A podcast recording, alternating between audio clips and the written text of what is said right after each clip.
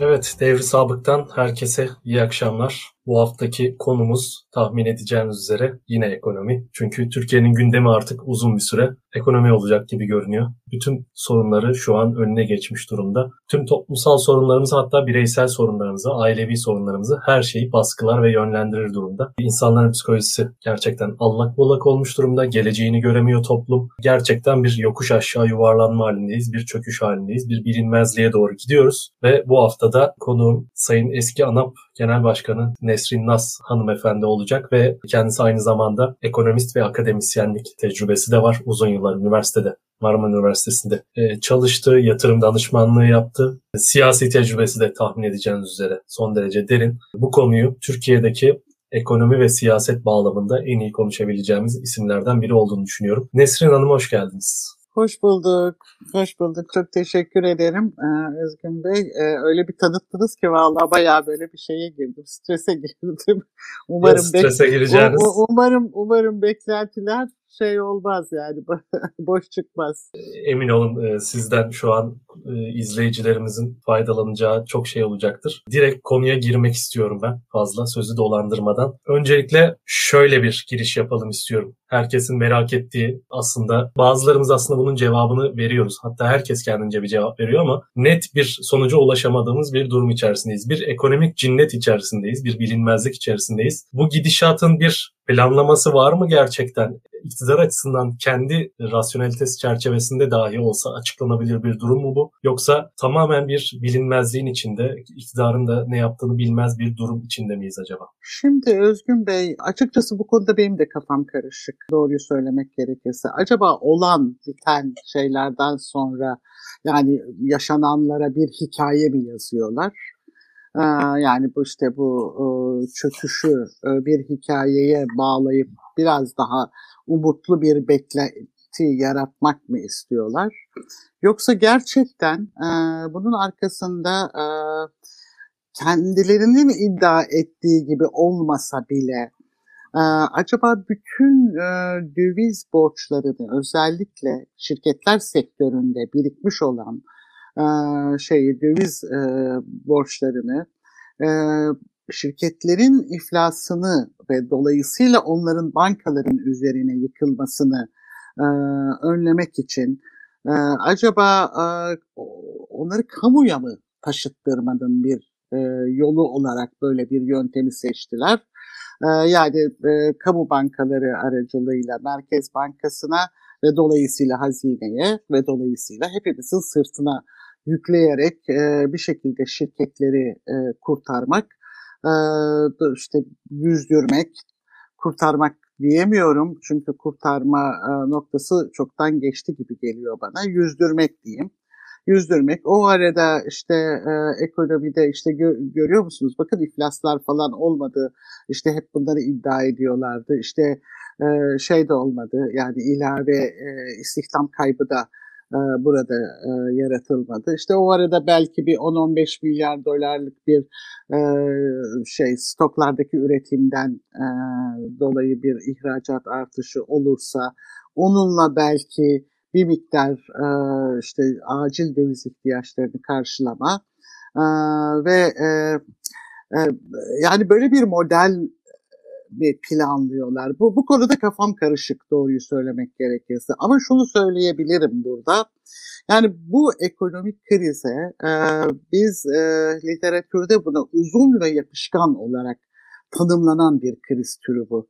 E, yani bu e, kriz e, safhalar halinde e, ve giderek her bir safhası bir öncekinden daha derin ve daha beter olan e, bir yapıya sahip bir kriz ve bu krizin aslında bakarsanız e, 2008'de hani o teyit geçti falan diyor ya bugün de söyledi. Bugün de söyledi evet. Bugün de söyledi onu. O teyit geçti dönemde başladığı yani ilk işaretlerini verdiği ve biz iktisatçıları biraz yani rakam okumaya işte hem şeye Merkez Bankası hem hazine hem şirket bilançoları hem bankaların bilançolarına biraz bakan iktisatçıların ya bu iş iyiye gitmiyor diye konuşmaya başladığı 2008'de aslında başladı. Fakat 2008'de global mali kriz gelince e, iktidar hiç ummadığı bir fırsatla karşılaştı. E, işte o global mali krizi aşabilmek için başta Amerika olmak üzere Avrupa ve gelişmiş ülkeler, merkez bankaları e, bol miktarda piyasayı likideye bulunca o likideden e, Türkiye'ye yeniden bol ve ucuz kaynak girmeye başladı ve iktidar tam da o yıllarda hatırlar mısınız yavaş yavaş şey yapmaya başlamıştı. İşte e, kredi kartı taksitlerine sınırlamalar getirmeye, biraz piyasayı soğutmaya çalışıyorlardı. Evet, frenleme. O, frenleme, fren yapmaya çalışıyorlardı. Birdenbire böyle bir imkanla karşılaşınca tekrar e, bıraktıkları yerden aynı hızla e, devam etmeye başladılar. E, ama asıl şeyi 2018'de. Yani krizin e, asıl böyle yoğun bir şekilde üzerimize inmesi 2018'de. Onu da 2018'de aslında biz bugün yaşadıklarımızı 2018-2019'da çok ağır bir biçimde yaşayacaktık. Ancak e, 2019'daki pandemide bir anlamda e, yeni bir fırsat olarak karşılarına çıktı. Yani bu pandemi nedeniyle işte tüketimin piyasadan çekilmesi, bir takım mazeretlerin pandemi nedeniyle işte mazur görülür hale gelmesi bir takım yapılamayan şeylerin. Yine pandemiyi atlaya atlatabilmek için yine likitlerin bir, biraz dünya piyasalarında, global piyasalarda bollaşması ee, ve o arada biliyorsunuz o, o bolluktan yararlanabilmek için biz e, işte içeride e, önlem almazken e, ve biz maske bulamazken işte Amerika'ya maske gitti, başka ülkelere maske yardımları yapıldı falan. Yani hatırlıyorsunuz değil mi o diplomasiyi de.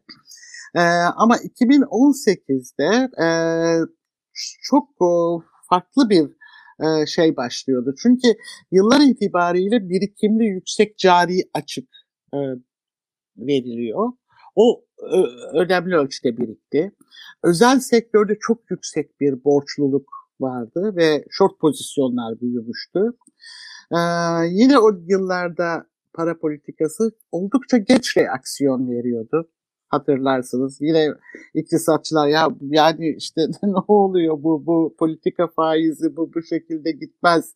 Ee, yanlış sinyaller veriyor Merkez Bankası diyordu. Hatta o Merkez Bankası faiz artırmamak için böyle arka yolları dolaşıp e, şey yapıyordu. Geçlikte penceresi üzerinden evet şey faizi artırıp ama politika faizini sabit tutuyordu.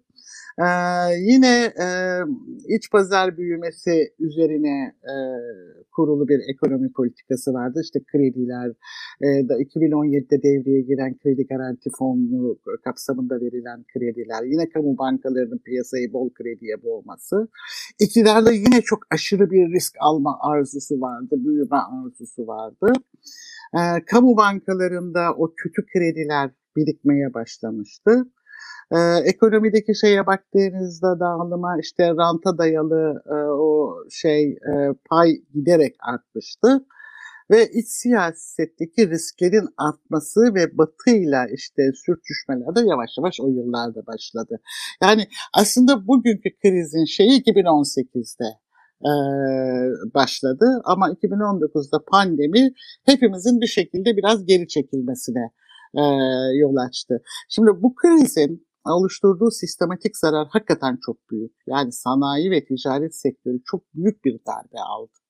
Ee, ama en önemli darbeyi fiyat mekanizması aldı Özgün Bey. Yani fiyatlama evet. yapılamıyor. Öngörülemiyor. Dolayısıyla... Hayır, fiyat veremiyor. Kimse fiyat Hı. veremiyor. Ve fiyat verememenin ötesinde yani şimdi şey e, e üretici e, tedarik zincirine mal sokmuyor çünkü e, yeniden o malı hangi fiyattan koyacağını bilmiyor. E, e, tüketici e, tam bir enflasyonist davranış ve beklenti içine girdi. E, tüketici de gelecekteki ihtiyaçlarını ya bulamazsam ya da elimdeki bu para giderek daha fazla değerini kaybederse diye hızla e, talebi artırmaya başladı. E, şimdi e, böyle olunca e, her şey, bütün dengeler sarsılı verdi. Ama bu arada aynı hikaye devam ediyor. Şimdi hep bu politika faizi, yani biz çok tartışıyoruz ama şunu söylemeden geçemeyeceğim. Politika faizi düşürmek çok kolay bir karardır. Yani hiç kimseye danışmanıza falan şey yok yani, gerek yok. Politika faizi çünkü nihayetinde bir karardır o. Yani toplanır Merkez Bankası işte eldeki verilere bağlı olarak faizi düşürür ya da ama önemli olan bir Merkez Bankası'nın bu politika faiziyle piyasalara yön verebilmesidir. Piyasa faizlerine yön verebilmesidir. E şimdi bakıyorsunuz politika faizini %15'e düşürmüş. E, hazine daha pahalı borçlanıyor. %17'liye borçlanan hazinenin %20'ye çıkmış borçlanması. Evet. Borçlanmaya çıktı 20.77, 22.7 galiba. Bankalar aldığı parayı e, daha e, e yüksek e, faizle ya. geri veriyor. E, tabii bankalar %15'te Merkez Bankası'ndan borçlanıyorlar. Hazineyi de gidip %20 ile 22 ile veriyorlar. Yani 2 yıllık, 5 yıllık işte kimini %20'den, kimini %22'den veriyorlar. Şimdi bankalarda inanılmaz bir şey, e, kazanç e, kapısı çıktı. E, ama öbür taraftan yani şimdi bu koşullarda banka niye kredi versin? Neden versin? Yani bir de üstüne üstlük geri dönmeyen ve dönme ihtimali giderek e, azalan bir mekanizma haline geldi. Şimdi bakın burada ben Bankalar Birliği'nden size bir iki rakam vereyim. E, Bankalar Birliği'nden baktığımız zaman e, şeye e, geri dönmeyen e, kredileri Bankalar Birliği'nin e, toplam kredilerinin neredeyse %20'sine e, ulaşmış durumda. Bankalar Birliği rakamları bu. Yani şimdi bunların ne kadar perform edeceğini, etmeyeceğini falan bilemiyoruz. Çünkü o arada sürekli olarak bunları yüzdürebilmek için de koşullar değiştiriliyor biliyorsunuz. Yani işte 3 ay yerine 6 aya çıkarılıyor falan. Sonra tekrar bir işte biraz bir süre daha dipnotlarda taşıtılıyor vesaire. Şimdi bugün şeyi dinliyordum Halk TV'de Emin Çapa'yı dinliyordum. O mesela Merkez Bankası'nın 860 bin şirketi incelediği bir raporu özetledi. Yani şimdi hani sürekli faiz faiz faizi düşürünce şirketler işte daha fazla yatırım yapacaklar. Yapılan yatırımlarla istihdam artacak, ihracat artacak, ülke dövize e, boğulacak e, tezini bugün de yine söyledi e, Cumhurbaşkanı. Şimdi bu araştırmaya göre 861 şirketi Merkez Bankası incelemiş. Giderler içinde faizin payı, şirketlerin giderleri içinde faizin payı 2009'da %2.35'miş. 2020'de %3.92'ye çıkmış. Yani şirket giderlerinin içinde öyle faizin böyle aman aman aman bir şeyi yok yani %20 değil, %30 değil, %40 değil. %3.92 hadi diyelim 4, %4. E şimdi %96'sı başka yerden geliyor maliyetlerin. Nereden geliyor %96'sı? Asıl sizin orayı çözmeniz lazım. Aynen işte tarımdaki maliyetler gibi reel sektörde üretim maliyetleri de başka şeyden geliyor. Nereden geliyor? Kur üzerinden geliyor. Kur kanadından geliyor. Niye kur kanadından geliyor? Çünkü sizin üretim yapabilmeniz için sizin %73 toplam ithalatınızın %73-74'ü aramalı ve enerji ithalatı. Yani siz dursanız bile yani eğer ülkedeki tüm elektrikleri söndürmeyecekseniz, eğer ülkedeki tüm makinaları kapatmayacaksanız, eğer ülkedeki tüm arabaları, otomobilleri, işte otobüsleri bilmem neleri, e, kontaklarını kapatmayacaksanız, sizin bu %73-74'lük ithalat üzerinden yaptığınız ithalat üzerinden bu şeye katlanacaksınız. E siz onun dışında e, e, üretim yapabilmeniz için işte makine almanız lazım, makinelerinizi yenilemeniz lazım, bozulan parçalarını değiştirmeniz lazım. e, bunların toplam şeyi e, sizin ithalatınız içindeki payı da yüzde 12'ler dolayında. E, yani tüketimde zaten çok az bir şey kalıyor. Yani siz normal olarak üretim yapabilmek için ithalata bağımlı bir ülkesiniz. İhracat yapabilmek için de ithalata bağımlı bir ülkesiniz. E, şimdi siz bütün bunları düzeltmiyorsunuz. Sadece faiz konusunu. E tabii hiçbirimiz istemeyiz yüksek faiz ödemek. Hepimiz düşük faiz, faizler düşük olsun, önümüzü görelim, öngörülebilir bir ekonomi olsun. E, bunu istersiniz. Ama e, e iktidar bunu yapmamak için e, öngörülebilir bir ekonomi yaratmamak için elinden geleni yapıyor doğruyu söylemek gerekirse. Yani öngörülebilir bir ekonomi olmadan, şimdi bakın Merkez Bankası itibarını yok ettiğiniz zaman zaten güveni ortadan kaldırıyorsunuz. Yani o, o itibarla beraber öngörülebilirliğini ortadan kaldırıyorsunuz. Yani ondan sonra işte politika faizleri piyasa faizlerine, piyasada oluşan faizlere yön veremez hale geliyor. İşlevsizleşiyor yani. Tabii işlevsizleşiyor. Az... E, ha, elinizde bir şey kalmıyor. Yani en önemli evet. silahınızı yok ediyorsunuz. E şimdi Merkez Bankası niye piyasalara güven vermek zorunda? E, piyasalarda o güven oluşmazsa beklentileri yönetemezsiniz. Ben beklentim benim bir tüketici olarak beklentim sürekli olarak fiyatların artacağı yönünde ise o fiyatlardan o, mümkün olabildiğince korunabilmek için gelecekteki tüketimimi ihtiyacım olan tüketimimi erkene alırım. Bu daha da fiyatların artmasına yol açar. Çünkü ister istemez piyasada o şeyde bir arz kıtlığı da yol açar. Evet. E, üretici de aynı şekilde. Üretici de der ki bir dakika yani ben bu fiyattan niye satayım? Yani maliyetler artıyor. Gelecekte daha da yükselecek. E, o zaman ben bunu şu anda e, rafa koymayayım der. Şimdi burada e, Cumhurbaşkanı stokçu diyor. Şimdi kötü niyetlileri bir tarafa bırakın. Yani e, e, her ekonomide olur. Ama burada üreticinin davranışı stokçuluk değildir. Üreticinin davranışı sermayesini korumaktır. Zarar etmemek. Sermayesini korumak. Adam oraya sermaye koymuş. O sermayeyi korumak istiyor adam. Ya bu onun en doğal hakkıdır. E, tüketici de kendi gelirini korumak istiyor. Şimdi e, aslında yani bu, bu mekanizmayı e, anladıkları konusunda e, kafam oldukça karışık doğruyu söylemek gerekirse. Ee, yani üst üste aynı hikayeyi anlatmaya e, başladıklarından dolayı diyorum ki galiba e, e, şey yani e, gerçekten olan bitene bir, bir şey ya işte bunlar oluyor hadi oturalım bir şey yapalım hikaye yazalım e, dediler ve böyle bir hikaye yazdılar. Şimdi de bu hikayeye kendileri inanıyorlar maalesef. İşin en kötü tarafı o. Ee, ve freni boşalmış bir kamyon gibi böyle yokuş aşağı gidiyoruz. Ama bu ne zaman? Yani bütün bu bu kriz tek başına ekonomiyle ilgili bir kriz de değil Özgün Bey. Yani e, o nedenle bu krizin e, çözümünde de ekonomik kararlardan ziyade siyaset önemli olacak. Hı hı. Yani bu krizin çözümü de siyasette.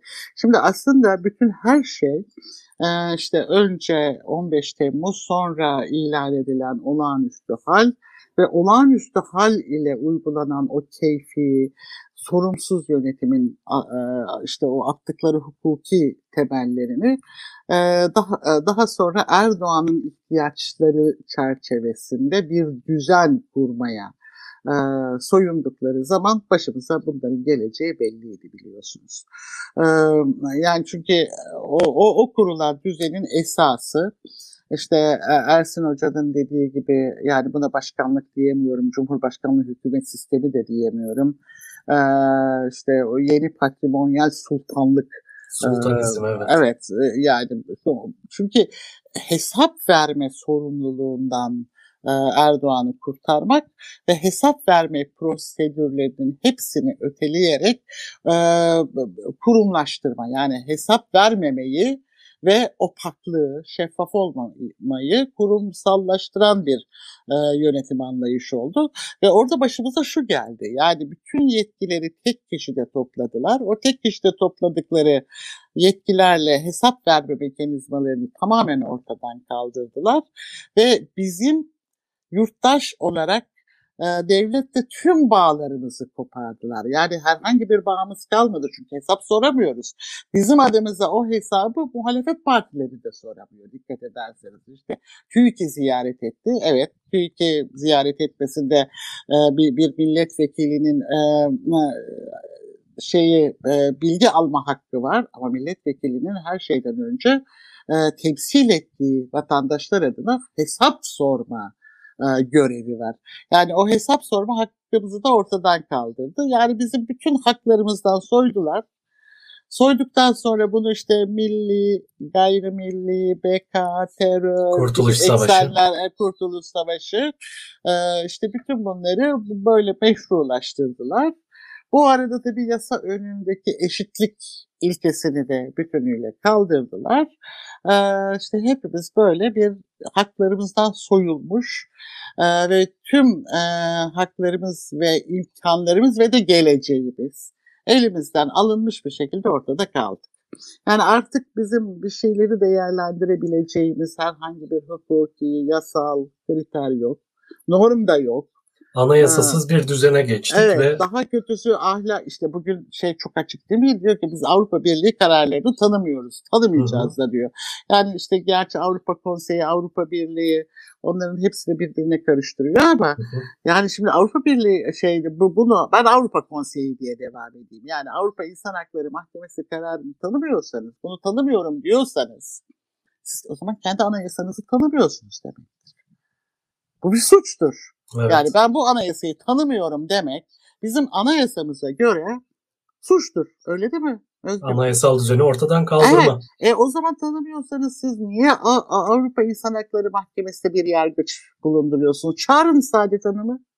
Deyin ki biz tanımıyoruz orayı. Derhal atla bitti görevin oradan gel Türkiye'ye dön deyin. Yani bunu da yapmıyorlar.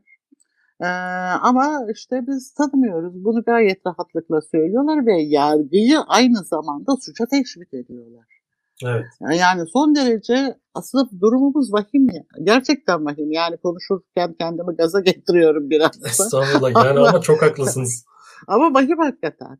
Evet. Bir yanıyla bunun bir tabii ki rejim sorunu olmasından ileri geliyor. Bu yaşadığımız gerçekten anlamlandırmakta. Tamamen rejim. Tamamen rejim. Çünkü Özgün Bey bu rejim sadık insan ister. Hep hep, evet. hep deniyor ya efendim liyakat bilmem ne falan filan. Bu yani bu, bunu e, konuşmak bile çok abesle iştigal. Çünkü rejimin özelliği sadakatta dayalı yani ve ekonomi lütuf ekonomisi. Evet. Yani kaynakları kendi elinde topluyor bütün kaynakları kendi elinde toplayıp lütfederek dağıtıyor. Adaleti de lütfederek dağıtıyor zaten. Yani itiraz ediyorsanız 40 katır mı, 40 satır mı sorusunu önünüze koyuyor. Ama ona biat ettiğiniz zaman hem şey olarak maddi olarak hem a, işte ada, sizi e, adalete çok kolay ulaşıyorsunuz. Maddiyata kolay ulaşıyorsunuz. İşte bir yer bir kişi 5-6 yerden maaşlar alıyor. E, hiç işte dün e, şirket kurmuşsunuz bugün milyon dolarlık ihale alıyorsunuz falan. Hiçbir şeyin kriteri yok. Hiçbir şeyde evet. norm yok artık. Yani böyle bir böyle bir yapı. Bu, bu nasıl gider? Bunun gitmeyeceği e, çocuklara bile sorsanız gitmez böyle der. Evet. Yani çocuklar bile kendi aralarında oyun oynarken önce bir oyun kurarlar değil mi? Birbirlerine anlatırlar oyunun kuralları budur. Sen burada duracaksın, sen burada duracaksın, sen şununla oynayacaksın, sen bu oyuncağı alacaksın. Ben bunu buna buraya koyduğumda sen bunu buraya koyacaksın. Ve o kuralları set ettikten sonra kendi aralarında anlaştıktan sonra o oyunu oynamaya başlarlar. E burada bir şey yok. Yani kendileri bir oyun kuruyorlar ama oyunun kuralları her an değişiyor.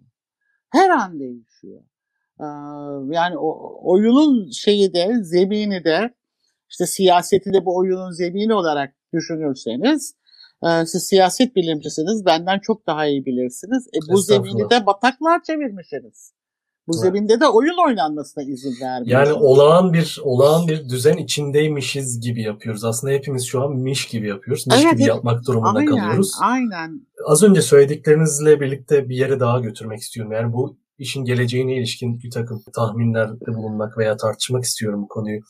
Şimdi söylenen, e, bize açıklanan rasyonelitesiyle bu işin, izlenen politikaların, kararların. Politika demeye de artık aslında dilim varmıyor da bir takım keyfi kararlar, anlık olarak değişebilen kararlar bunlar. Ve bize açıklanan boyutu ekonomiye ilişkin en azından işte bir miktar Türkiye'ye döviz girdisi sağlamak, cari açığı kapatmak, ihracatı yükseltmek ve işte sözde yatırımı teşvik etmek düşen kredilerle güya. Ve fakat sizin aslında bu az önce çizdiğiniz teknik detaylarını verdiğiniz tablo iktisadi anlamda çok temel aslında bilgilerle anlaşılabilecek, görülebilecek, olağanüstü bir iktisadi deneyime, bir devlet yönetme birikimine ihtiyacı olmayan bir e, iktisatçının da kolaylıkla bu işin nereye gittiğini anlayabileceği bir durum. Fakat e, devleti yönetenler böyle bir kararı alırken bunun buralara gidebileceğini ya öngörmüyor ya da o kadar çaresiz ki bir zar atıyor ve e, işte o kadar bilmem kaç tane olasılık içerisinden düşeş gelmesini bekliyor. Ve düşeş gelmiyor. Görünen o. Çünkü... Şimdiye kadar gelmiş ama biliyor musunuz? Evet bu 20 da, yıldır bu, geldi. Bu da bu da bir böyle şey e, fütursuzca bir özgüven vermiş. Hmm. Bir güç sarhoşluğu aslında. Evet bir güç sarhoşluğu. Yani işte 2008'de tam şey oluyormuş. Ee, işte global mali krizle ayaklarına bir şey gelmiş. Şimdi şunu gördüler yani aslında biraz da bunu yapıyorlar. Zamana oynuyorlar biraz da. Ee, yani işi zamana bırakırsak Öyle ya da böyle bir fırsat kapısı aralanıyor. O, o fırsat çıkınca da biz o fırsattan yararlanıp her şeyi e, toparlayabiliriz diye. İşte 2000 e, o şeyde e, 19'da e, şeyin gelmesi, pandeminin gelmesiyle Pandemi, evet. böyle olmuş.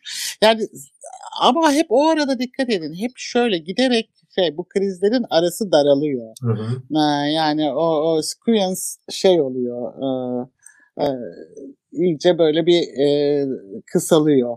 Evet. E, şey yapmış yani e, krizi ileri bir tarihe, geleceğe taşımış hep ve bir takım kaynaklarla bazen içeriden yaratmış hmm. olmayan kaynakları kredi mekanizmalarının işte sonuna kadar gaza basarak şey yapmış. O kredilerin önemli bir kısmı geri dönmedi biliyorsunuz. Evet. Şimdi de ödeyemiyor o insanlar o kredileri. Ha temin ben %20 dedim ama rakam daha korkunç tabii. Mesela e, takipteki krediler 511 milyar dolara çıkmış. Az bir şey değil yani bu bayağı böyle bir e, ürkütücü, evet ürkütücü evet. bir şey.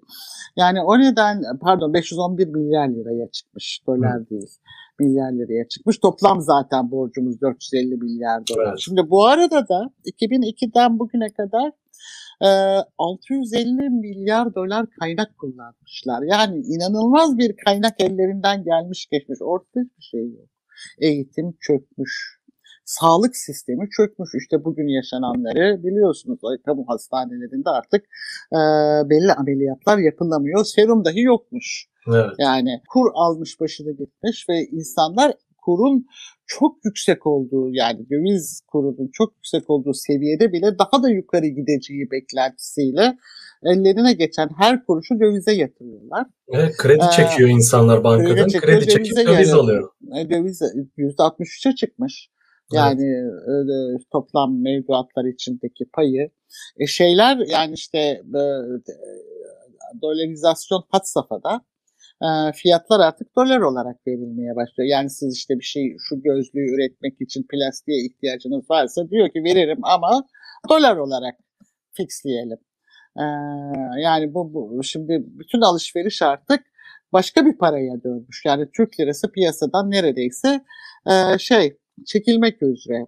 E, yani bütün e, bunlara baktığınız zaman şimdi ileri taşıyacak halleri kalmamış. O zaman ne yapıyorlar Özgür Bey? Bunu yapamayınca yani geleceğe krizi atamayınca krizi başka bir krizle değiştirmeye çalışıyorlar. Ekonomik krizi şimdi siyasi krize dönüştürmeye çalışıyorlar.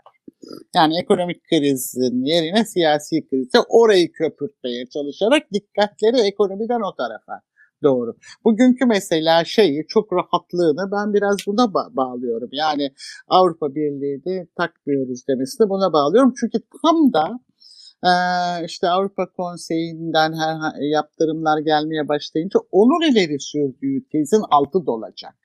Evet. Yani dış güçler devreye girmiş olacak. Yani biz tam da toparlıyorduk. Böyle bir model ortaya koymuştuk. İhracatımız artacaktı. Çil çil dolarlar yağacaktı. Ama, işte Ama Batı izin vermedi. Batı çekemedi bizi. Türkiye'nin ayağa kalkmasını istemediler. Bu nedenle işte bu Selahattin Demirtaş'ı ve Osman Kavala'yı bahane ederek böyle bir bize çelme taktılar.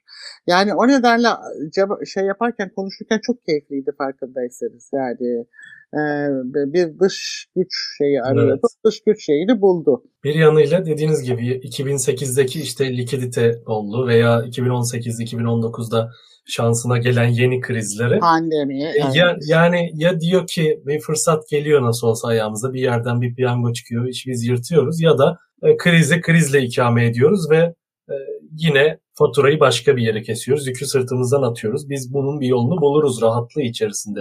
Anladım. Yani, içinde. Ben, ben öyle görüyorum yani bu, bu benim bakışım. Doğrusu. Bir de şöyle yani buna ben e, çok ikna oluyorum açıkçası bu şekilde anlatınca. Bir de merak ettiğim aslında bir konu daha var. 2001 krizinde biliyorsunuz bankacılık sektöründe ciddi bir servet transferi oldu. Yabancı varlıkları arttı vesaire. Yani Türkiye'nin bu derin krizlerinde bu tarz el değiştirmeler Tabii. yaşanıyor. Evet. Ve şu anda aslında böyle bir el değiştirmenin, bir servet transferinin eşinde olduğumuza ilişkin iddialar, yorumlar vardı. Buna ilişkin aslında bir takım emareler de görmüyor değiliz şu an. İşte Katar'dan gelen heyet, bizim Katar'a gitmemiz, keza Birleşik Arap Emirlikleri'nden gelen e, heyet, e, işte Bloomberg'de dün yayınlanan bir haber oldu. İşte savunma sanayine yatırım yapmayı düşünüyormuş Birleşik Arap Emirlikleri Türkiye'de. Varlık fonu ile ilgili endişeler var. Türkiye Varlık Fonu'nun çünkü o fona dahil edilmiş olan, o yönetime dahil edilmiş olan şirketlerin e, üzerindeki tasarruf, sonsuz tasarruf hakkı var neredeyse Cumhurbaşkanı'nın. Bir kararname veya yasa değişikliğine dahi ihtiyaç olmadan her, kendi şirketini yönetir gibi bu şirketler üzerinde tasarrufta bulunabiliyor ve açıkçası işte acaba Katar'dan Katar Varlık Fonu'ndan, Birleşik Arap Emirlikleri'nden veya şu an henüz gündemde olmayan başka kaynaklar üzerinden Türkiye'de bir takım kamu varlıklarının, bilhassa kamu varlıklarının veya büyük özel sektör e, yatırımlarının el değiştirmesi gibi bir süreç de acaba bilinçli olarak Türkiye buraya götürülüyor mu gibi bir takım soru Şimdi işaretleri Şimdi elimizde çok şey kalmadı Özgün Bey. Yani varlık fonuna aldıkları evet işte e, kamu bankaları var. E, savunma sanayi var mı onun içinde? Ee, savunma sanayi emin Tele, değilim. Telekom'un Telekom var, Türksel var, BOTAŞ var, madenler var. Yani Telekom'un bir kısmı da bankaların elinde biliyorsunuz. Evet. Yani alacaklı bankaların elinde. Ama o savunma şeye giren yani varlık fonuna giren tüm şirketler kısa bir yıl içinde zarara döndüler biliyorsunuz. Yani evet. Çaykur falan onlar hepsi zarara döndü. Ee, şimdi bu sermaye transferi çok uzun süredir var zaten. Yani sermaye transferinin kaynaklarından biri şimdiye kadar kur falan değildi. İşte ihale kanunuydu mesela. Yani evet. o ihale kanunu 190 küsur kere falan değiştirdiler. Ee, ki işte 2001 krizinden sonra e, en önemli e, çıkan yasalardan bir tanesi e, ihale kanunuydu. Yani ihalelerin şeffaflığıydı. Yine bir başka önemli kanun e, işte hazine garantilerinin bir daha verilmemesiydi e, kamu bankalarındaki görev zararlarının kaldırılmasıydı. Yani ben 2001 krizde parlamentodaydım ve iktidarın evet. bir parçası idik biz o dönemde. Yani o krizin yönetiminde neler yapıldığını içeriden biliyorum. Tabii ki her krizde bir şekilde sermaye el değiştiriyor, servetler el değiştiriyor. Ama o krizi şöyle nitelersek yani 2001 krizini bir e, e, kalp krizi olarak nitelersek yani işte o, o tıkalı damarlar iki tane önemli damar tıkalıydı. Birisi bankacılık sistemi. O çok eskiden beri gelen işte bankaların kendi e, iştiraklerine e, kredi vermesi. Yani sizden topladıkları mevduatları e, kredi olarak kendi şirketlerine aktarmaları. Bir diğeri de kamu açıklarıydı. Yani kamu açıkları işte e, size bir şey söyleyeyim inanmayacaksınız. İşte o dönemde IMF geldi. İşte bütçe e, açığına şeye bakıyoruz. İşte toplam kamu açıklarını hesaplamaya çalışıyoruz. Bütçenin, merkezi bütçenin e, toplam e, kamunun sadece yüzde otuz üçünü kapsadığını gördük. Yani üçte ikisi harcamaların bütçe dışında. Nerede fonlarda, nerede işte bu garantilerde, nerede e, şeyde e, söyleyin e, kamu bankalarının şey görev zararlarında falan. Yani oralarda saklanmış. Üçte ikisi. Yani bütçeyi kontrol altına alsanız, denetim altına alsanız ne olacak? Yani sadece üçte birini kontrol edebileceksiniz. O nedenle çok kapsamlı reformlar yapıldı. Yani işte borçlanma kanununda, bütün bu fonların kapatılması da bir tek işte bugün ağırlıklı olarak işte Erdoğan'ın kullandığı e, sosyal yardımlaşma e, fonu hariç e, bütün fonlar kapatıldı yani o, o dönemde e, işte hazinenin borçlanmasına milli gelire bağlı olarak bir limit kondu. Çok önemli bir yaz, şey getirildi. E, şimdi onu yapıyorlar mesela. Yani biz ekonomide ilk günah deriz buna. Bir ülke hazinesinin kendi vatandaşından e, e, döviz cinsinden borçlan, döviz ve altın evet. cinsinden borçlanması 50 milyar dolara çıktı. Yani hazine yani bu, bu, bu güvenin artık hiç kalmadığının en açık göstergesi. Bunu işte de, hazine de biliyor. Diyor ki ben kendi vatandaşımdan Türk lirası istersem vermez bana. O zaman ben şey e, dolar cinsinden ya da euro cinsinden ya da altın şeyi e, karşılığında borçlanayım diyor. Bu ekonomide bizim ilk günah dediğimiz şeydir. Yani dış borçlarımızın dışında bir de iç borçlarımızda da şey var yani e, dövizli altın var. E, şimdi bütün onların hepsi tasfiye edildi. Tabii bunun çok ağır bir şey oldu ama orada şöyle bir e, şey vardı. Yani o iki damar işte hastayı alıyor al, al, alıyorsunuz hastaneye işte bypass yapıyorsunuz damarları değiştiriyorsunuz ondan sonra diyorsunuz ki bundan sonra e, Sadece beslenmene dikkat etmen yetmez, sigarayı bırakman yetmez. Ee, yaşam biçimini değiştireceksin. O yaşam biçimini değiştirmede işte Avrupa Birliği'de tam üyelik çerçevesinde yapılan AB reformlarıydı. Yani işte anayasada yapılan değişiklikler, 3 Ağustos şeyi, e, kararları, bütün bunlar e, da işte ihale kanunu ki o çok kritik bir kanun orada. E, bu, bu yaşam biçimini değiştirmeye yönelikti. Şimdi bakıyorsunuz hasta bu hasta kanser hastası ve metastas evet. yapmış ve vücudun her tarafını sarmış. Yani organlar ölüyor. Bütün organlar ölüyor. Yani o siyasi yapının değişimi sadece ekonominizi yok etmemiş, devletin tüm fonksiyonlarını da ortadan kaldırmış. Bugün parlamentoda işte İçişleri Bakanı'nı gördünüz evet, tarzını. Evet. Yani şimdi ben işte parlamentoda bulundum. Hiçbir bakanın başkan kendine e, cevap hakkı doğdu size demeden e, milletvekilleri konuşmasını bitirip sorularını e, yöneltmeyi tamamlamadan araya girip bağırdığını ilk olarak görüyorum ben. Dahası hakaret ediyor sadece bağırsa. Evet genel kurulda ayağa kalkıp bağırdığını ilk olarak görüyorum. Yani hakikaten böyle hayretler içinde izledim. Şimdi e, bütün fonksiyonlar yok olmuş durumda. Hakaretin ötesinde tehdit ediyor işte. Beral evet. Danışma Beştaş'ı da akşam göreceksin falan. Yani bir İçişleri Bakanı bir, birine bunu akşam göreceksin dedi mi elinde şey var yani polis gücü elinde. Evet. Yani kolluk gücü adamın elinde. Yani bu çok korkutucu bir şey hakikaten. Şimdi ben gene ekonomiye döneyim de buradan. Bakın e, şuraya notlar almıştım. Şimdi aslında çok önemli şeyleri kaçırdık bu arada. Yani biz devamlı krizleri ileri taşırken, işte habire bize teyit geçti bilmem ne hikayeleri yazarken, ara ara işte dış güçler masalını tüm topluma anla, yutturmaya çalışırken falan. Bu arada 2008'den sonra Dünyada a, bilimden iletişim teknolojisine, üretim süreçlerinden lojistiğe kadar her alanda çok önemli değişiklikler oldu. Evet. Ve çok önemli atılımlar oldu. 2008 sonrasında dünyada dikkat edin satın almalar, birleşmeler, bütün bunlarla gelişmiş ülkelerdeki o onların kurumların pazar payları büyüdü. Ve egemen onların egemen oldukları sektörlere giriş ve rekabet şansı çok azaldı. E, Türkiye'nin zaten çok ciddi bir ölçek problemi var. Şimdi o, o şey mini ölçek ölçeğiyle oralara girmesi mümkün değil. katma değer açısından e, rekabet etme gücü iyice azaldı Türkiye'nin.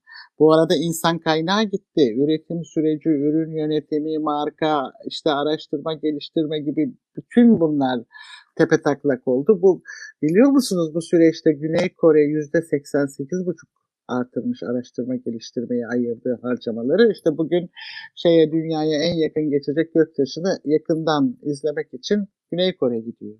Yani bin, ama o atılma 1960'ta başladı. Evet.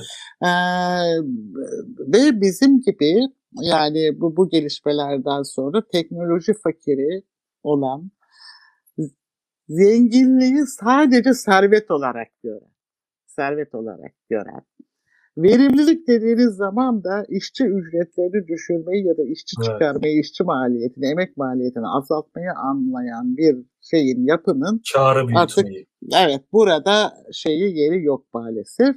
Bir de e, o arada biz şunu yaptık tabii. Bu siz servet e, aktarma diyorsunuz. Evet serveti aktarıyor ama serveti aktarırken önce ekonomide var olan e, serbest kaynakları ya da işte serbest olmayan kaynakların büyük bir bölümünü kamu kendine bağlıyor önce. O lütuf ekonomisini orada kurabilmek için. İşte varlık fonu bunlardan bir tanesi, kamu kaynaklarını işte onlara el konma bunlardan bir tanesi kendine bağlıyor ve e, kamu o, oradan şeye dağıtma başlıyor. E, ama e, giderek e, kamu kesimi açığı da bu arada büyümeye başlıyor. Kamu kesimi açığı büyüdükçe bizim şu anda tek çapamız kaldı Özgür Bey. İşte şey e, bütçe açığı biraz kontrollü gidiyor ama e, işte bu son kur ve kurun yol açtığı e, faizler üzerindeki şey artış nedeniyle e, o çapa da bu sene elimizden gidecek. Yani onla, tamamen böyle şeydeyiz, boşluktayız. Peki şunu merak ediyorum. Bir yanıyla böyle bir güya işte dışarıdan döviz çekeceğini düşündüğü, yatırım çekeceğini düşündüğü ve cari açın yani tüketimi baskılayıp cari açığın e, kapanmasını veya en azından fazla işte fazla vermeyi veya kapanmayı sağlayacağını düşündüğü bir yol yöntem izliyor. Yani bir kumar oynuyor ve başka birçok faktörü de tabii varsayıyor. Bunların da gerçekleşeceğini varsayıyor bunu yaparken başarılı olması için. E, ve fakat şuraya doğru gitme ihtimali yok mu sizce sürecin? Çünkü iktidarın e, en çok güvendiği ekonomide seçimlere yönelik olarak en çok güvendiği e, iki parametre var. Birisi sürekli büyümeyi sağlayabilme. Büyümeyi sağladığı ölçüde oyların arttığını düşünüyor ve büyümeyi sağlayamadığı dönemlerde de oyları ona paralel olarak azalmış. Böyle bir istatistiksel paralellik var.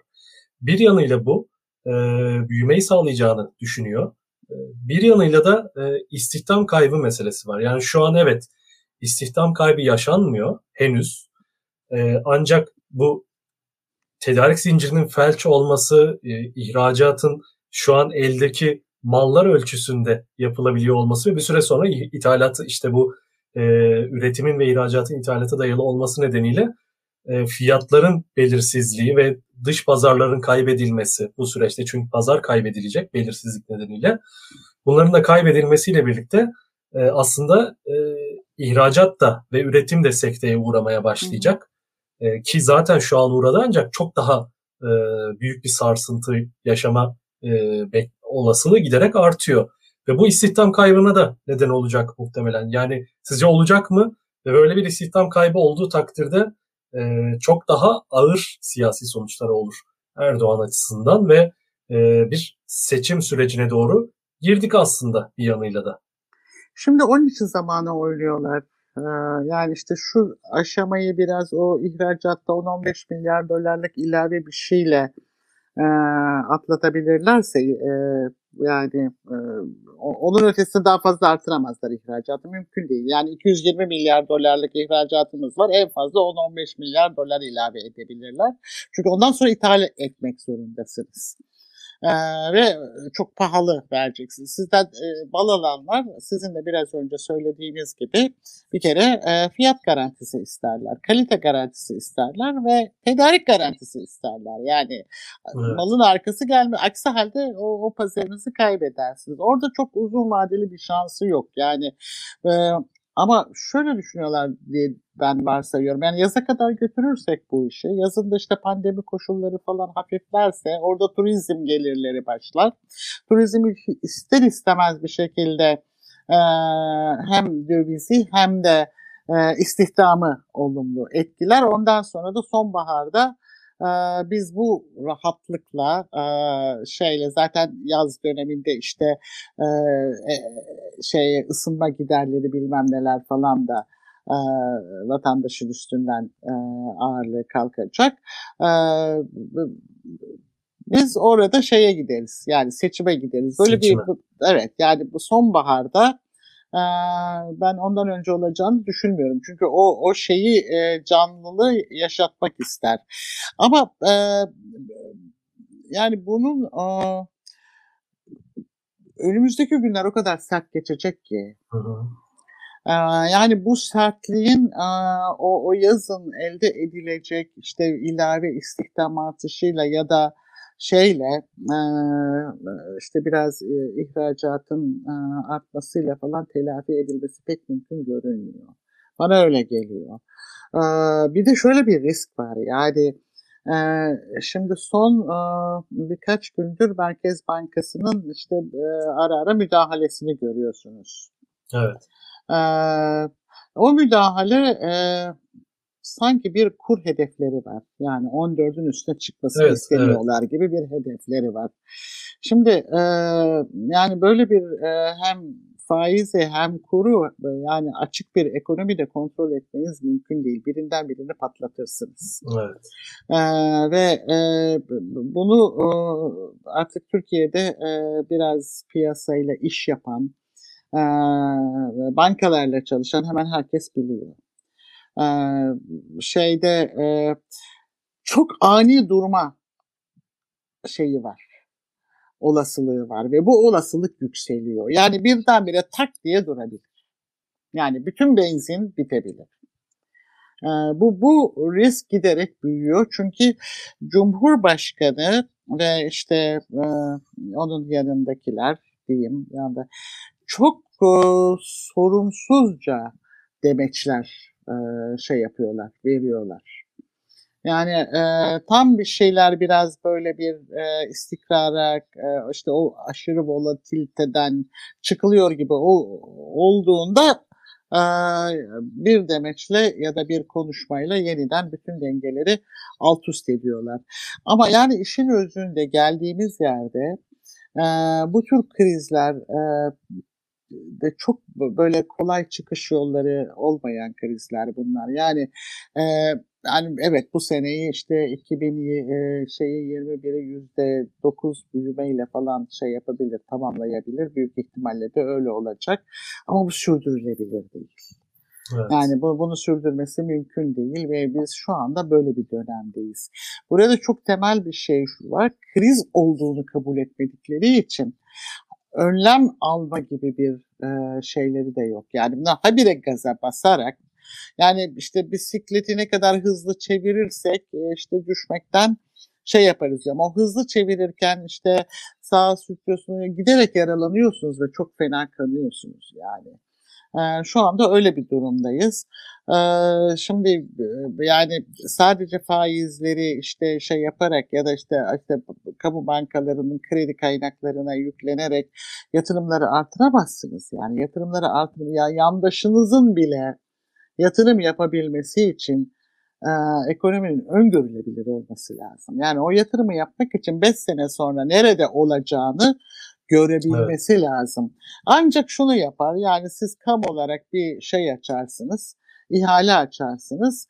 O ihalede bütün fiyat farklarını da vallahi de billahi de vereceğim dersiniz. İşte bu şeyler gibi yani e, yap işlet evet, projelerinde evet. olduğu gibi. E, ancak o şekilde ama olur için bile e, o, o nedenle şey e, önden yüklemeli ihaleler yaparsınız. Hı hı. Yani sen işte şeye başla işte üçte birini tamamlayınca istihkakını vereyim falan diyor. Önden para ister herkes. Geçenlerde açtıkları bir ihaleye galiba e, katılıp olmadı. E, yani bu giderek bunlar yaşanmaya e, başlıyor tabii. Yani işte Çin'in yerini alacağız gibi iddialı bir şey ortaya koyuyorlar. Yani e, işte Çin olmanız için ne ölçeğiniz yeter ne zamanınız yeter. Sanki Çin e, buraya böyle çok şeyden gelmiş gibi yani hani e, bu modeli uyguladı ve böyle geldi. Hayır o bayağı planlı bir uygulamayla geldi. Bakın hem Çin'de hem mesela Güney Kore'de e, şimdi tarım kesiminden e, kentlere gelen aileler önce ne yapılıyor? Alınıyor orada kentlerde o aileler küçük işletme, küçük ölçekli işletme sahibi yapılıyor devlet eliyle. Evet. Ama onların çocukları bedava eğitimle hem şeyden liseden hem üniversiteden bedava eğitimle doğrudan doğruya işte teknolojiye, başka mühendisliğe, başka alanlara e, yönelik olarak insan kaynağı şey yetiştiriliyor. Ya bu bir model yani. Siz 20-30 yıllık bir proje yani bu. 20-30 yıllık bir proje. Yani siz işte e, kırsal kesimden geleni e, kentin şeyine dışına, e, dış mahallelerine yerleştiriyorsunuz. Çocuklarıyla ne e, eğitim hizmeti veriyorsunuz, ne işte sağlık hizmeti veriyorsunuz, ne doğru dürüst bir gelecek hazırlıyorsunuz. Yani böyle bir yapıyla Çin falan olamazsınız. Ee, ancak e, Çin'in o ilk şeyde yıllarındaki gibi e, işte aylık 60 dolara falan işte çalıştırıyorlardı. E, biz de şu anda zaten kalkıyorlardı. Evet yani ancak onu onu onu yapabilirsiniz. Onu yapmanız bile sizi ihracatçı yapmaz. Onun evet. için de çok büyük ölçeğe ihtiyacınız var. Yani Çin'de 5 milyon pantolon sipariş edebilirsiniz ve bir ay içinde 5 milyon pantolon tak diye gelir. Evet. Ee, ama size 5 milyon pantolon sipariş etseler nasıl yapacaksınız bunu? Öyle bir yani, o ölçekte zaten o, altyapınız o ölçekte yok. altyapınız yok. Yani sizin işletmelerinizin %97'si küçük aile işletmesi. Evet. %97'si çok yani e, ölçeğimiz o kadar küçük.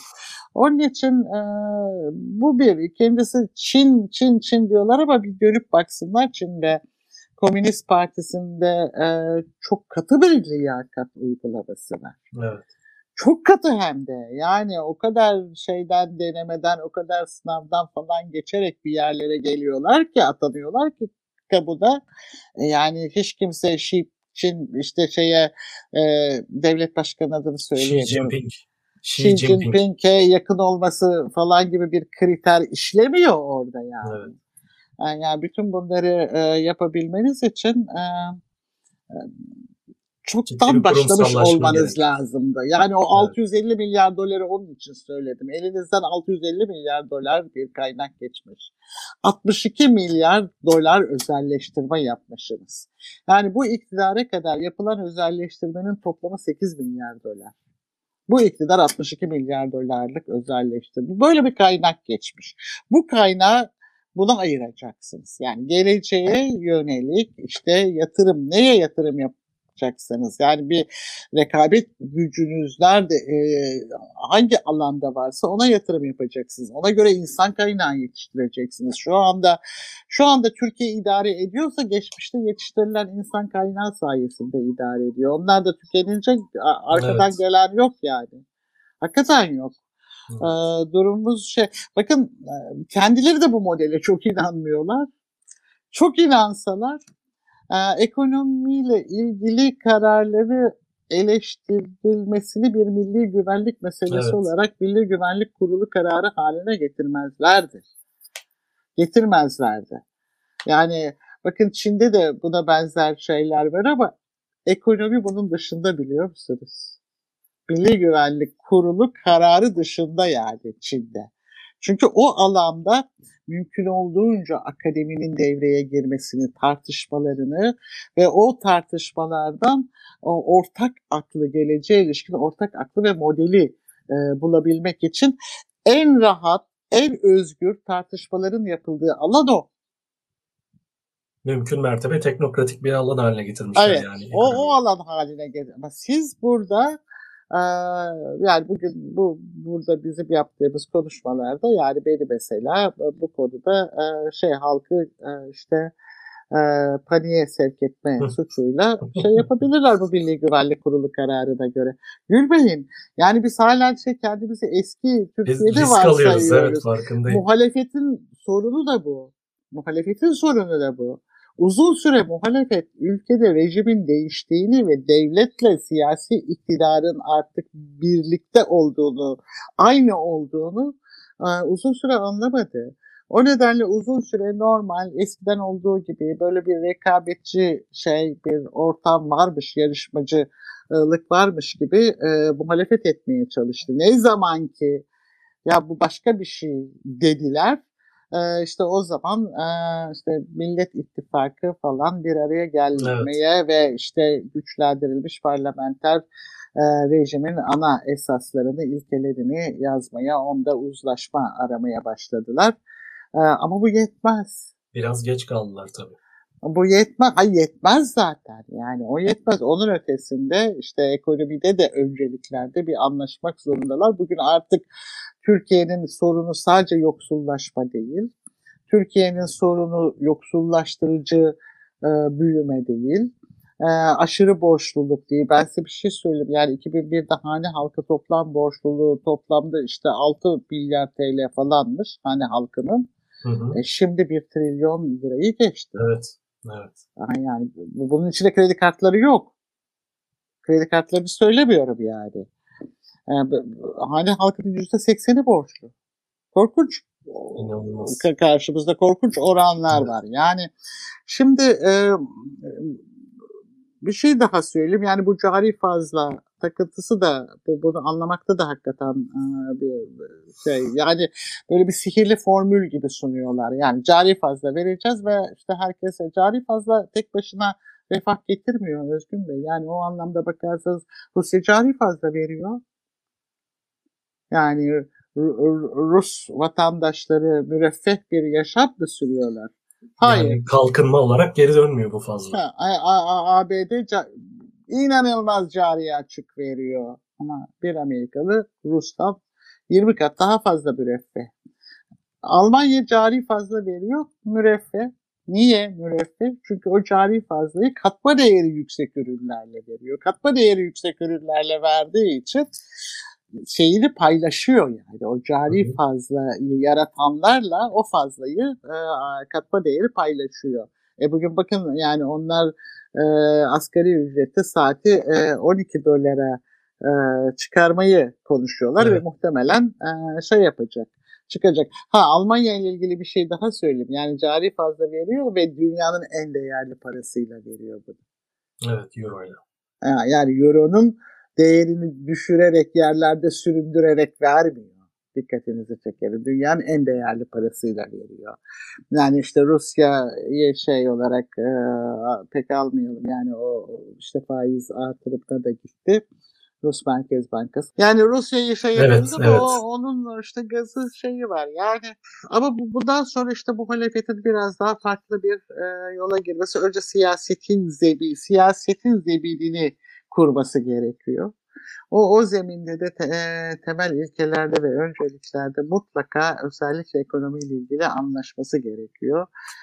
Yani ufak tefek değişikliklerle, düzeltmelerle ya da e, şeyle e, biz buradan çıkamayız. Çok daha hızlı, somut adımlar atılması gerekiyor aynen, yani bu aynen. anlamda. Ve e, tehlikeli bir durum daha var aslında. Bunu da sorarak müsaadeniz tamam. olursa yayını bitirelim istiyorum yavaş yavaş süremizin sonuna geldik. Ani durmadan bahsettiniz. Ani durma olabilir, olmayabilir ancak ciddi bir şu an bir plansızlık, kontrolsüzlük, öngörülemezlik içerisinde yol alıyoruz. Ve bunun çok daha ciddi kriz anlamında daha derinleşme, sosyal patlamalara belki neden olma, çok daha ciddi sorunları e, ortaya çıkarma ihtimali var. Ani durma bunlardan biri. Peki bu durum karşısında iktidarın sizce artık burada sizin e, Türkiye'ye ilişkin siyasi deneyiminizden Türk siyasetine ilişkin e, Türkiye'nin gelenekleriyle ilgili deneyiminizden, öngörülerinizden, sezgilerinizden aslında yararlanmak istiyorum bu soruyu sorarken. Böyle olağanüstü bir durumda iktidar siyasi olarak daha olağanüstü yöntemlere başvurma e, yolunu seçebilir mi? Yani işte o hal ilan etme, daha baskıcı. Yani darbe zaten şu an darbe benzeri bir ortamda yaşıyoruz ancak bunun daha kurumsallaştırılması işte 15 Temmuz sonrasında yaşanan süreç gibi daha fazla sıkılaştırılması, sopaların kalınlaştırılması gibi bir durumla karşı karşıya kalabilir miyiz sizce? Ee, böyle bir ihtimal görüyor musunuz Türkiye açısından? AKP rejimi için yakın vadede. Yani e, büyük olasılıkla e, gidecekleri yol o olacak. Yani çünkü bu tür e, rejimlerde e, sorunlar çözülmedikçe şiddet artmaya başlar. Yani rejimin şiddeti artmaya başlar. E, yani e, bu işte alternatif medyaya e, daha büyük bir baskı uygulanacaktır. Yani işte bu mesela şey casusluk suçlamaları, dış güçlerle ilişkili olma suçlamaları evet. e, artacaktır e, ve muhalefetin üzerinde baskı e, yoğunlaşacaktır. Yani ben artık şeyi bekliyorum. Yani mesela ilk başta şey diyordum yani HDP'yi kapatma konusunda Anayasa Mahkemesi e, iktidarın e, suyuna gitmez diye düşünüyordum ama şimdi öyle düşünmüyorum doğruyu söylemek gerekirse. E, ve bu giderek şeyi de yani CHP ve diğer muhalefet partilerini de bir şekilde e, kapsayacaktır. Ama tabii bu arada Türkiye enteresan bir yer. Yani hep böyle şey e, yani bu iş artık çözülemez dediğiniz anda çok ciddi kırılmalar oluyor. Yani en büyük kırılma AK Parti'nin kendi içinden olacak bir kırılmadır. Ben MHP'yi evet. şey yapmıyorum, söylemiyorum. E, çünkü MHP nereden, neresinden bakarsanız bakın e, yani AK Parti ile yürümeye mecbur bir parti.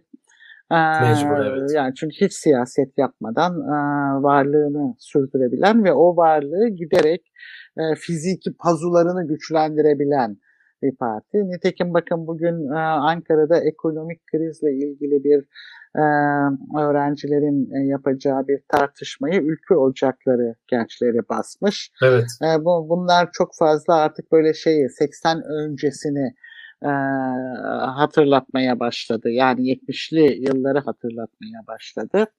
E, o nedenle e, iktidarın da ben biraz şeyi yani sopaları kalınlaştırıp buna hazırlandığını ve de şeyi Milli Güvenlik Kurulu kararının da boşuna alınmamış olduğunu düşünüyorum. Yani iyimser bu konuda iyimser değilim. Yani... Ama bu konuda iyimserliğimi e, şey yapabilmem için yani e, bunu atlatabilmemiz için muhalefetin de hakikaten e, iktidarın kendisini tarif etmesine izin vermemesi lazım.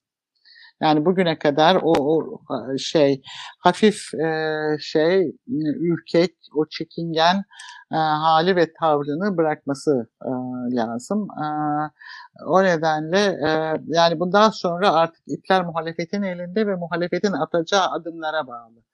Muhalefet eğer o altı parti, onun yanında işte HDP, yanında yine sol partiler, yani böyle bir yapı toplumu da yanlarına, arkalarına alarak ve toplumun önünde o ilkeleri e, toplumun denetimine açarak o aralarında yaptıkları uzlaşmayı en önemli şey o. Toplumun denetimine açarak toplumun önünde onunla birlikte e, şeye iktidara karşı bir cephe çok geniş bir cephe oluşturabilirlerse iktidar bu, bu iktidar dayılmaya müsait. Yani bu gelinen evet. noktada dayılmaya müsait. Bunun da bir takım sinyalleri var. Yani özellikle bürokrasi kesiminden gelen bir takım sinyaller var. Evet. Ee, ama muhalefet hala yani bakalım işte biz de bunu konuşacağız. Daha henüz daha aramızda bu konularda anlaşmamız var falan. Biraz ağırdan hala, alıyorlar iktidar gibi şimdi orada da şöyle bir sorun var. Yani yarım bırakıyorum cümlemi ama muhalefet de iktidar nasıl zamanı oynuyorsa muhalefetin bir bölümü de zamanı oynuyor. O zamanda oynamasında muhalefetin şey şu, koşullar ağırlaşacak, halk iyice yaka silkecek, işte bundan sonra gel bizi kurtar e, diyecek ve otomatik olarak o kararsızlar muhalefet tarafına geçecek. Yok böyle bir şey. Yani böyle bir şey Evet. yok siyasette. Siz çok daha iyi Siz Evet. aktör olarak evet aktör olarak sahneye sahneye, çıkmazsanız çıkmazsanız ha- da sizi çağırmaz. çağırmaz. Yani aynı. Ee, bunu bunu yapmaya devam ederlerse kaybeder muhalefet. Çünkü şunu hiç unutmayalım, akılda tutalım diye söylüyorum. Yoksulluğu çok fena işlev, yani siyaseten işlevsel hale getirdi AK Parti. Evet. Ve insanlar eğer e, şeyse yani sadece o günü sağ salim atlatabilme gibi o kadar e, kısa bir şey için e, zaman dilimi e, ne düşünecek haldelerse e, o insanlar kaos istemez. Kaos çünkü onların ölümü anlamına gelir. Açlıktan ölümü anlamına gelir. Muhalefetin bunu görmesi Evet. lazım. Ee, bunu görüp kaos olmadan o insanları bu felaketten çıkaracağını e, da ikna etmesi lazım. Yani bir şey söyleyeyim size bütçe konuşmasında Kemal Kılıçdaroğlu'nun bütçede yaptığı konuşmayı Kemal Bey Türkiye'nin e, işte e, 7-8 mitinginde yapsa e, o ondan sonra çok Evet. bambaşka bir hava eser. Evet katılıyorum. Ben de o yüzden Mersin mitingiyle e, bütçe konuşmasını karşılaştırdığım zaman bütçe konuşmasında çok daha iktidara hazır, iktidarı isteyen ve umutsuzluğa kapılan toplum kesimlerini ikna Evet, yani o, edebilecek, o, o evet. mobilize edebilecek o bir konuşma, o, ko- evet, lider o profili gördüm. işte ne bileyim ben Karadeniz'de yapsa o konuşmayı, e, Ege'de yapsa, İç Anadolu'da yapsa, İstanbul'da yapsa e, çok değişir toplumun havası. Yani diyeceksiniz Evet. ki mitingler Evet. değiştirir mi bir dolu şeyi ama bizim gibi siyasete e, artık bütün yaşamını, 24 saatini, geleceğini, her şeyini belirleyen siyasetin belirlediği bir ülkede değiştirir. Herkes şey arıyor, umut arıyor. AK Parti'ye oy Evet. verenler de. Katılıyorum. Yani umarım bu birlikteliği gösterip bahsettiğiniz gibi çok hızlı, somut adımlarla halkın önüne çözüm olarak kendini daha fazla bir özne olarak, bir aktör olarak dayatmaya, kendini göstermeye başlar diyelim muhalefet. Ee, Nesrin Hocam çok teşekkür ederim Ben teşekkür katıldığınız için. ederim. Harika bir program oldu. Ben teşekkür ederim sevgili Özgün Emre. Ayağınıza sağlık, ağzınıza sağlık. Ee, tekrar umarım başka programlarda yine ağırlamak isterim sizi. Eminim ki izleyicilerimiz de bu programı tekrar dönüp dönüp izleyecektir. Çünkü gerçekten olan biteni anlama açısından çok iyi bir çerçeve sundunuz. Ekonomik anlamda, siyasi anlamda deneyiminizle e, konuyu çok iyi toparladığınızı düşünüyorum. Ben dahi açıkçası Ay çok faydalandım teşekkür sizi ederim. dinlerken. Valla şımartıyorsunuz beni. Çok teşekkür ederim. E, estağfurullah yani iltifat etmiyorum. Kesinlikle samimi düşüncelerim bunlar. Çok teşekkürler. Bu arada izleyicilerimiz e, arasından sizi e, Cumhurbaşkanı adayı olarak görmek isteyenler var. Onu da paylaşmış teşekkür olayım. ederim sağ olun. Muhalefetin ortak adayı olsun Nesrin Hanım diyenler var. Çok nazikler. Ben Çok teşekkür teşekkürler ederim. tekrar. Sağ olun. Sağ olun. İyi akşamlar. Sağ olun.